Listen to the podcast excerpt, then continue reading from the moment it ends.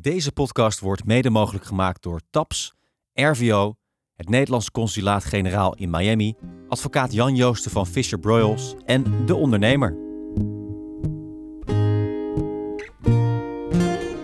Eens even kijken. Miami zit erop. Uh, dat was een echte sportstad. Dus wat ga ik vinden in Austin? aan de andere kant van de Deep South. Even kijken hoor, even opzoeken op Google.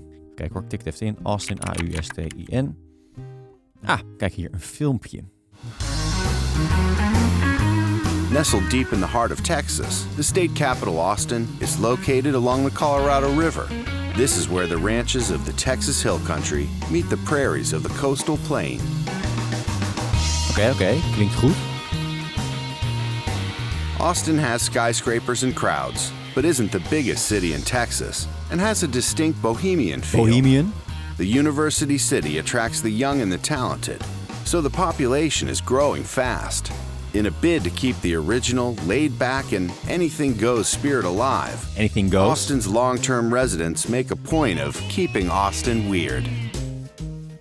Austin Weird? Van een sportstad naar de gekke stad?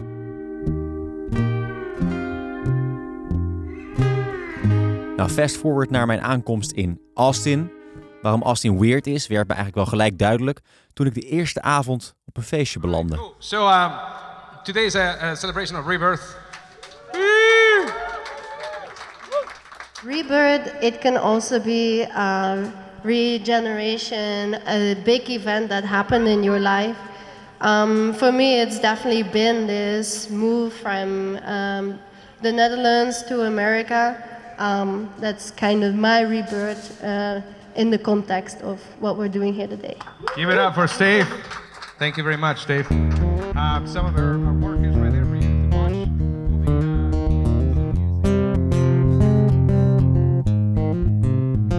En je hoorde een stukje van de verjaardag van Patrick, eh, zijn elfde. Niet omdat hij elf jaar geleden geboren is, maar omdat hij elf jaar geleden een speaker op zijn kop kreeg bij een concert. Hij raakte even in coma en dat veranderde drastisch zijn leven. Hij was een zakenman, een commerciële jongen, maar hij werd heel kunstzinnig. Nou, zo'n feestje, zo'n verhaal, dat is dus blijkbaar typisch Austin Weird. Maar dat is de ene kant van het spectrum. Er is ook een andere kant, een zakelijke, commerciële, juridische kant. En die laatste in dat rijtje, de juridische kant, eh, daar wil ik toch even wat extra aandacht aan besteden, want Austin ligt namelijk in de staat Texas. En Texas bestaat niet alleen maar uit ranches, eh, biefstuk, koeien, speklapjes, schilworsten en Stanley's famous pit barbecue classic barbecue sauce. Nee, er is vooral ruimte qua vierkante meters en qua wetgeving.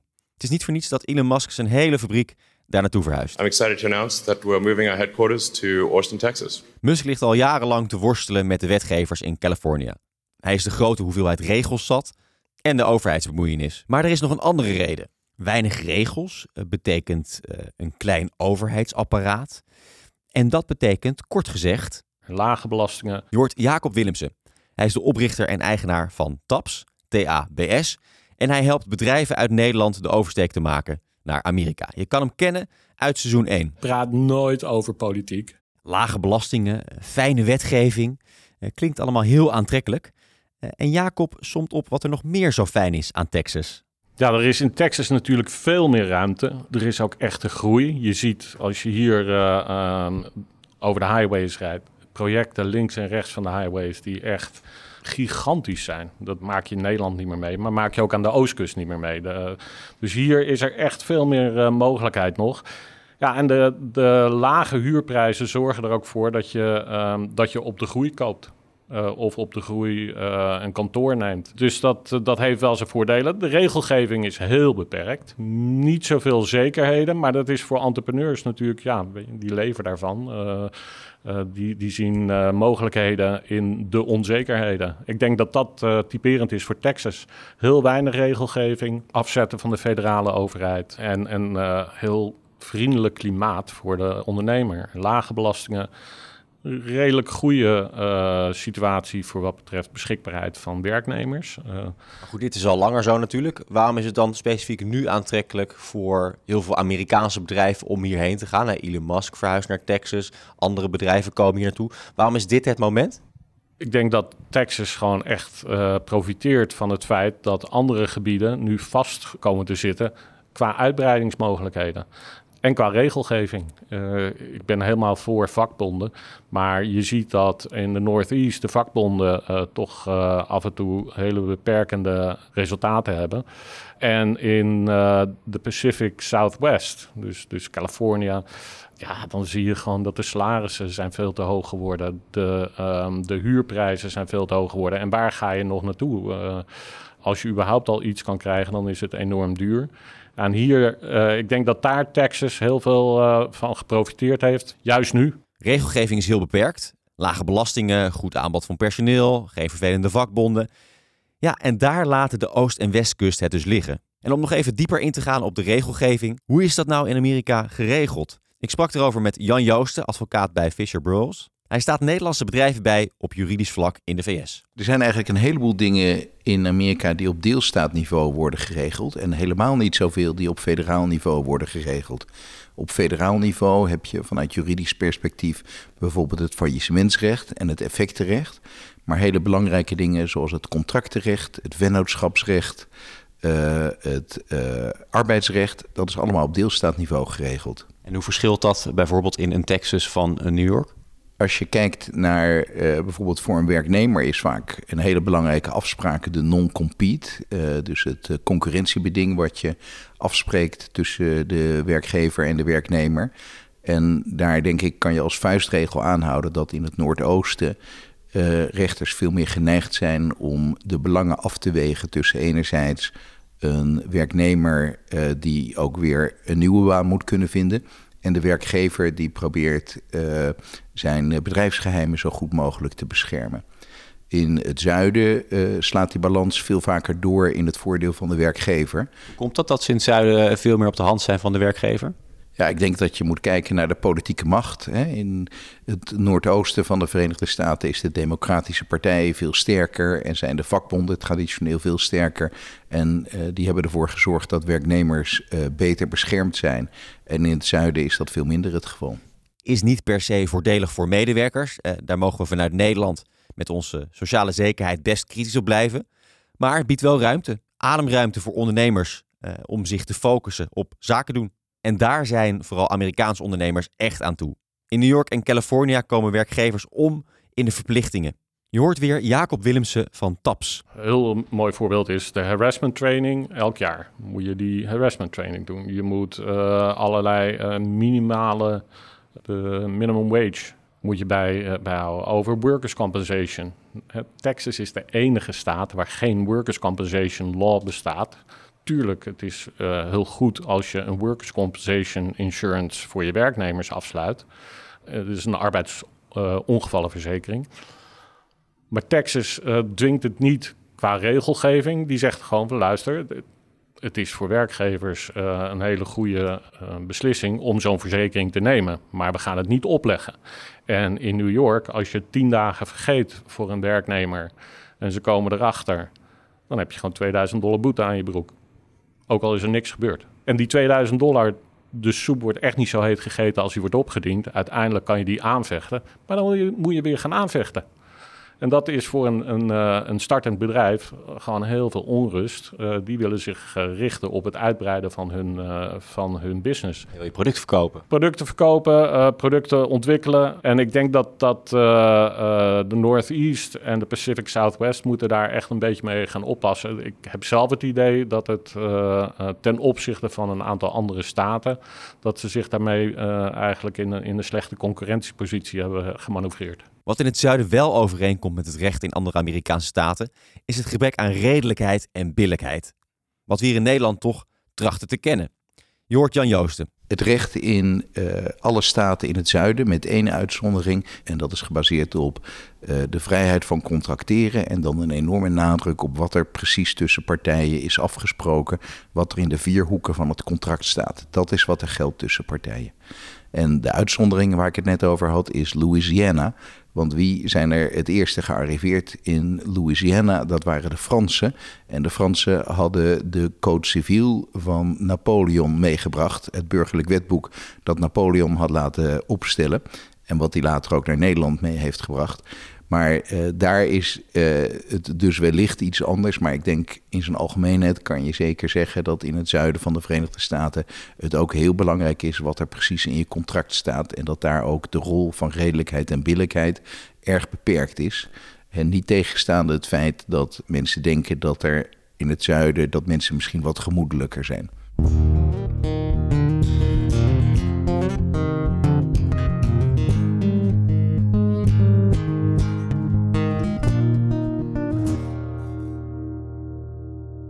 Tot zover dus het juridische kader van deze aflevering. Uh, op dat kader, het fundament van het businessklimaat, bouwen bedrijven verder.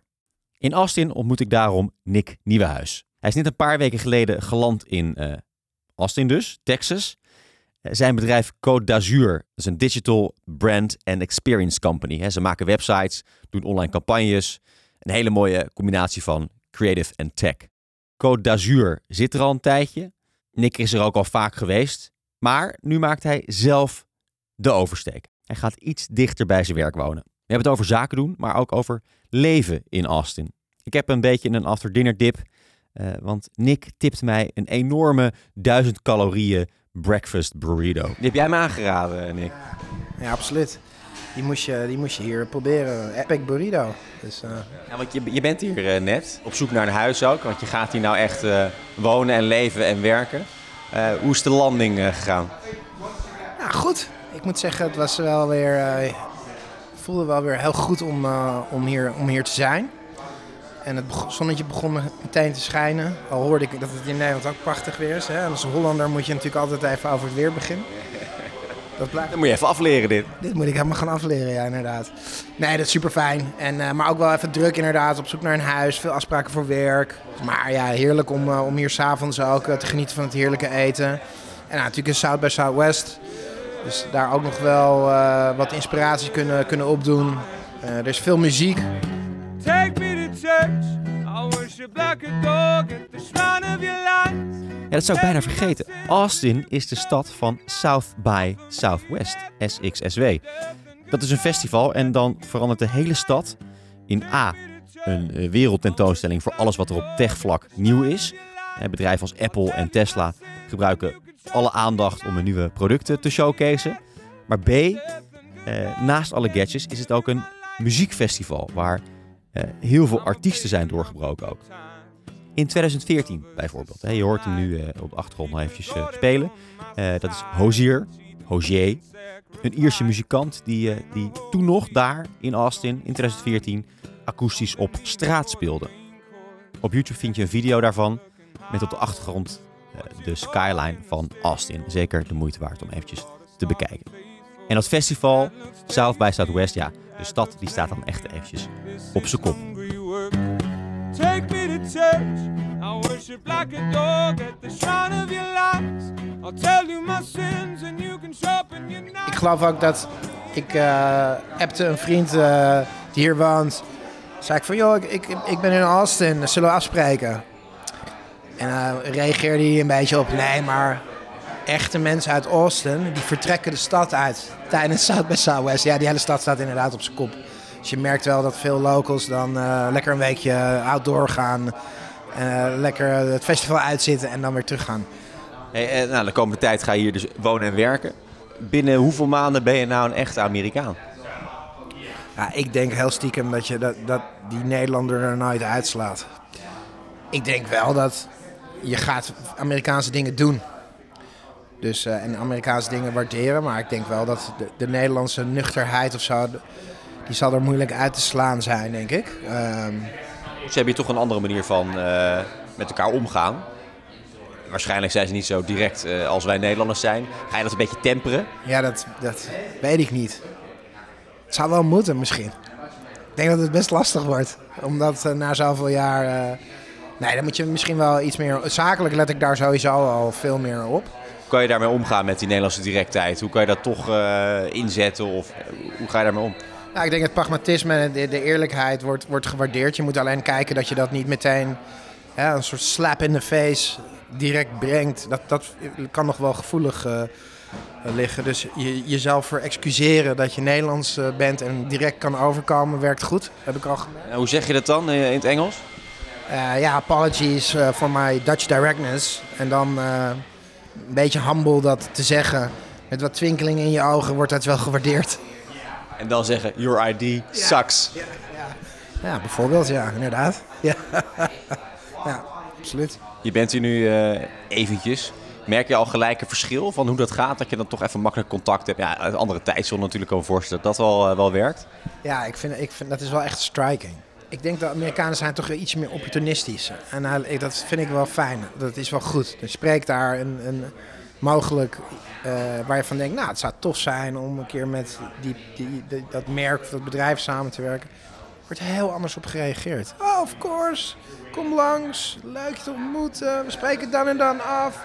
En niet meteen de deur dichtgooien. Weet Dus de deur gaat open. En dat vind ik wel... Die mentaliteit waardeer ik enorm. Maar het feit dat jij hier zit, dat je hier bent fysiek, maakt dat al een verschil? Ja, zeker. Tuurlijk. En ik denk ook wel dat, dat het helpt zakelijk. Hè?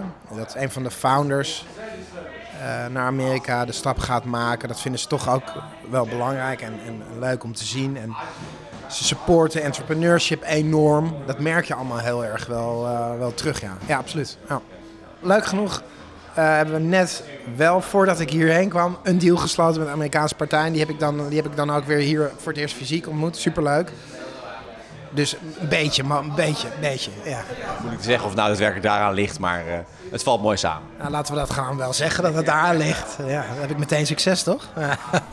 Waarom biedt deze stad nou zoveel kansen? Ja, best wel veel verschillende redenen. Ik denk als je ondernemer bent en je zit in de technologie hoek is het super interessant. Uh, ze noemen het nu echt de Silicon Hills. Dus er zijn veel tech, techbedrijven die hierheen uh, verhuizen. Waardoor het interessant is je hier te vestigen. Nou, jaarlijks is het South by Southwest Festival er ook. Er zit veel tech talent. Wat het ook wel weer competitief natuurlijk maakt. Texas heeft een gunstig belastingklimaat. Dus sowieso voor ondernemers is het interessant om te kijken naar, naar Austin. Um, het is een super fijne stad. Het zit midden in Amerika, dus je reist makkelijk af naar East Coast en West Coast. Het is een creatieve stad ook, vind ik ook tof. Het is, het is uh, Houston is heel erg oil en business. En, en Austin heeft, heeft veel meer creativiteit uh, in zich. Ja. Ook iets meer de start-up vibe? Ja, het is gewoon heel anders dan San Francisco of Californië. Um, maar het is wel leuk dat Kijk, daar is het gewoon niet meer te betalen. Daar is het niet meer te organiseren. Uh, voor, voor, mensen niet meer leuk om, om daar. Dus je ziet gewoon dat die partijen die wijken uit naar Austin. Dat zegt veel over, over de stad. Ik geloof ook nog steeds dat het al vijf jaar of zo de snelst groeiende stad van Amerika is. Dus het is hier wel happening. Betaal je voor een biertje? Ja, dat ligt heel erg waar je heen gaat. Bij Zilker is het volgens mij 3 dollar of zo. Beter, toch? Ja. ja, dat is te doen, toch? Ja. Dat is, dat zijn Amsterdamse prijzen. Ja, exact. En als je Austin met één stad in Nederland zou moeten vergelijken, met welke stad zou je dat dan doen? Dat kan niet, maar ik ga het proberen. Een beetje, wat is, nou dan moet je me even helpen. Wat is nou een eigenwijze, creatieve stad in een rare, pro, in een, in een eigenwijze stad in een in een provincie. Dus die, echt... Misschien Wageningen? Kijk, Wageningen. Nog nooit geweest, maar het klinkt goed. ja, Wageningen. Wageningen, Wageningen. Austin is net als Wageningen. Wageningen, als je luistert, ga die stadsrelatie aan. Ik hoor, ja, ja, ja, ik hoor helemaal niks geks hoor hier. Ja, er zijn vast logischere stedenbanden te bedenken. Maar ja, na het eten van een uh, breakfast burrito en een kater van de avond ervoor was Wageningen het beste waar ik op kon komen. Ja, terug naar uh, het feestje van de avond ervoor. Uh, het feestje van Patrick, zijn elfde verjaardag. Ik was uitgenodigd door Steve Krombach, een kunstenares die in Austin woont. En op het feestje van Patrick voor hem speechte. Ja, Steve, um, je moet toch even vertellen waar we hier zijn?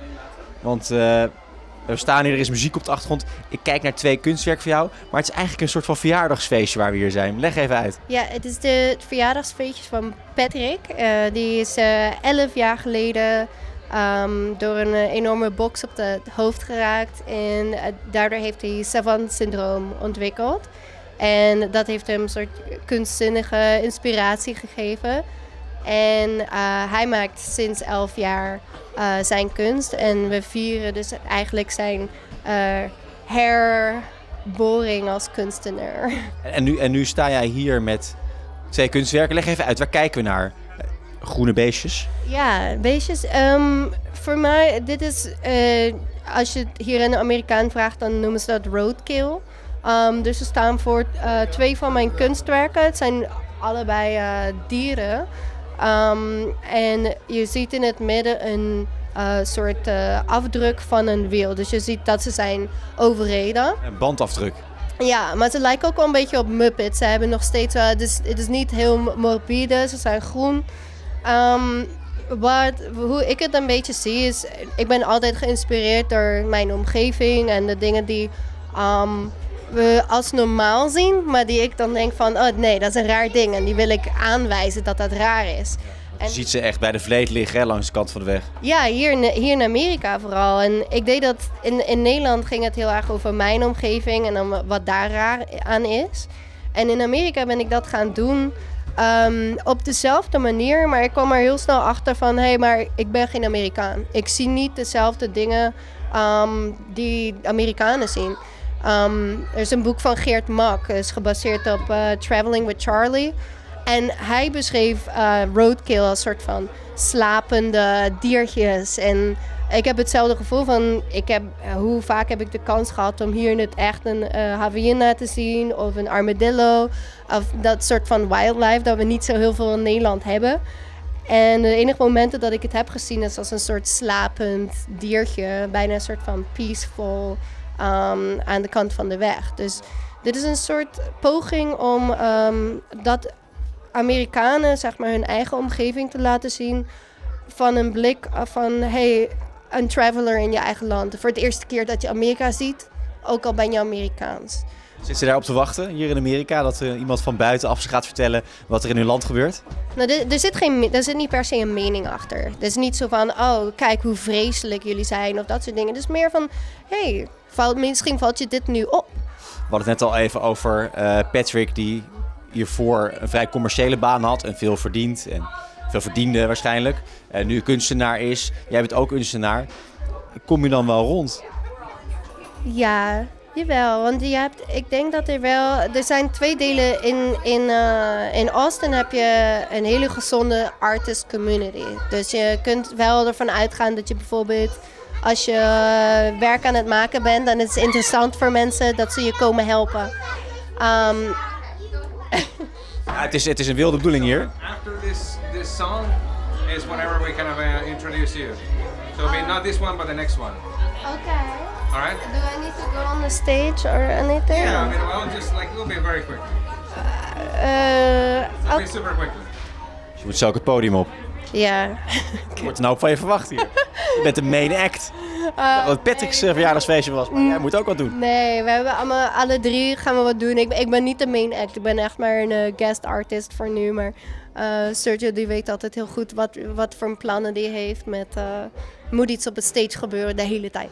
Integration and the revival of me here, um, that's kind of my rebirth in the context of what we're doing here today. Give it up for Steve. Thank you very much, Steve. Uh, some of our, our, work is right there for you to watch. We'll be uh, listening to some music. Ja, ze hoort er echt bij, helemaal geïntegreerd in de kunstenaarsgemeenschap daar. Uh, en na de hand sprak ik Steve toch nog even, want ja, blijft ze daar? Ik denk dat ik nog wel even in Austin blijf, maar um, qua, ik denk dat Austin gewoon wel een goede plek is om werk te maken en Um, om die, dat soort community gevoel te hebben. Uh, en binnenin heb je dus een soort van oude hippie cultuur. Die jammer genoeg een beetje weg aan het gaan is. Omdat mensen het zo gaaf vinden en hier naartoe vuizen. Maar ja, gewoon, ondanks dat in Texas is heel veel vrijheid en uh, heel veel creativiteit. Ja. Wordt allemaal wel wat mainstreamer hier. Ja, langzaam um, een beetje wel. Ja, gaat die soort van de hippie cultuur gaat er een beetje vanaf. Ja. Dus moet jij weer weg. ja, misschien wel. We zullen zien. Ik, ik, weet niet of we dan in Nederland terug moeten hoor. Maar ja, we moeten nog onderzoeken waar ik dan naartoe wil. Maar voor verkoop ben ik wel aan het kijken naar uh, in ieder geval een soort van de oliesteden hier. Dus uh, Houston en Dallas. Ehm, en ehm, ja, ik ben nu langzaam ook uh, dus met mijn keuzes voor shows ehm, alleen aan het kijken buiten Austin. Ja, Steve blijft nog even. Kijkt wel stiekem uh, her en der naar de oliesteden. Uh, en ik moet zeggen, ik kijk daar ook naar. Naar Houston vooral, hè, de oude oliestad. Want waar Austin steeds mainstreamer wordt, geldt voor Houston het omgekeerde. Daar volgt de ene innovatie op de ander. Vooral op energiegebied ontwikkelt de stad zich in een rap groen tempo. Dus het wordt tijd voor een roadtrip. Ja, wat moesten we ook alweer uh, draaien, Bernard Halberburg? Het wordt Christone Ingram. Some days I feel so different. It's like I don't fit in. Vind je dit een leuke podcast? Uh, volg dan via Spotify of laat een recensie achter via Apple Podcasts. Tot aflevering 4 over Houston.